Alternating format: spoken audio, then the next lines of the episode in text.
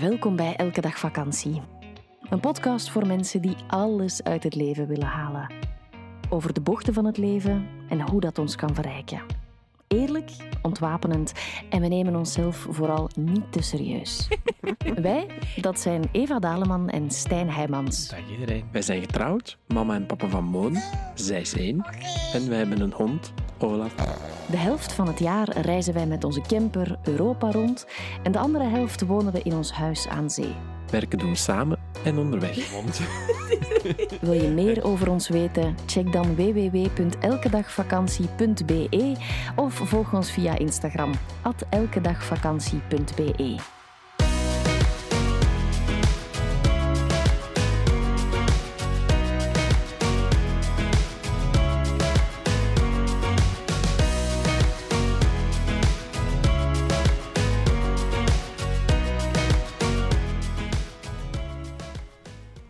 Hallo allemaal. Dag iedereen. Een podcastthema waar wij allebei ervaring mee hebben. Ja. Hoe verandert je leven wanneer je stopt met naar het nieuws te kijken? Zeven uur, één uur, Ja. laat En ik wilde daarbij dan nog aan toevoegen. en naar het nieuws te luisteren. en bij nog. gevolg kiezen welke informatie je opneemt. Ja, Dat Het is, is, het ehm, gevolg. Hè, want dat, dat is toch een beetje...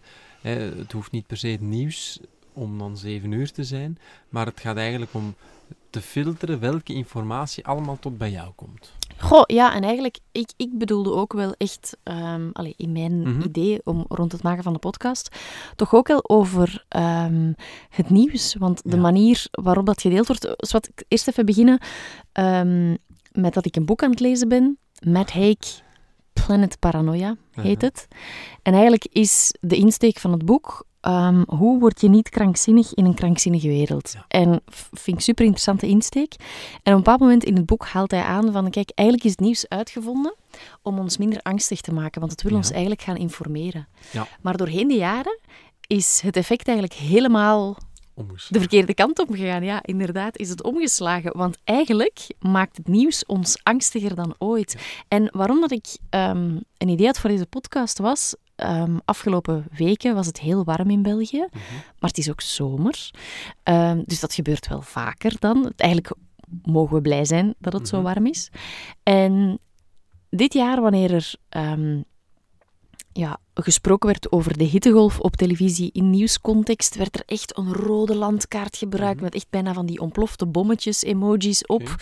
Ehm, en dan zag je beelden van bijvoorbeeld in, laten we zeggen, 1997, waarin dat er de temperaturen exact hetzelfde waren, dus ook 39 graden. En daar was het gewoon een groen landje met zonnetjes erbij. Ja.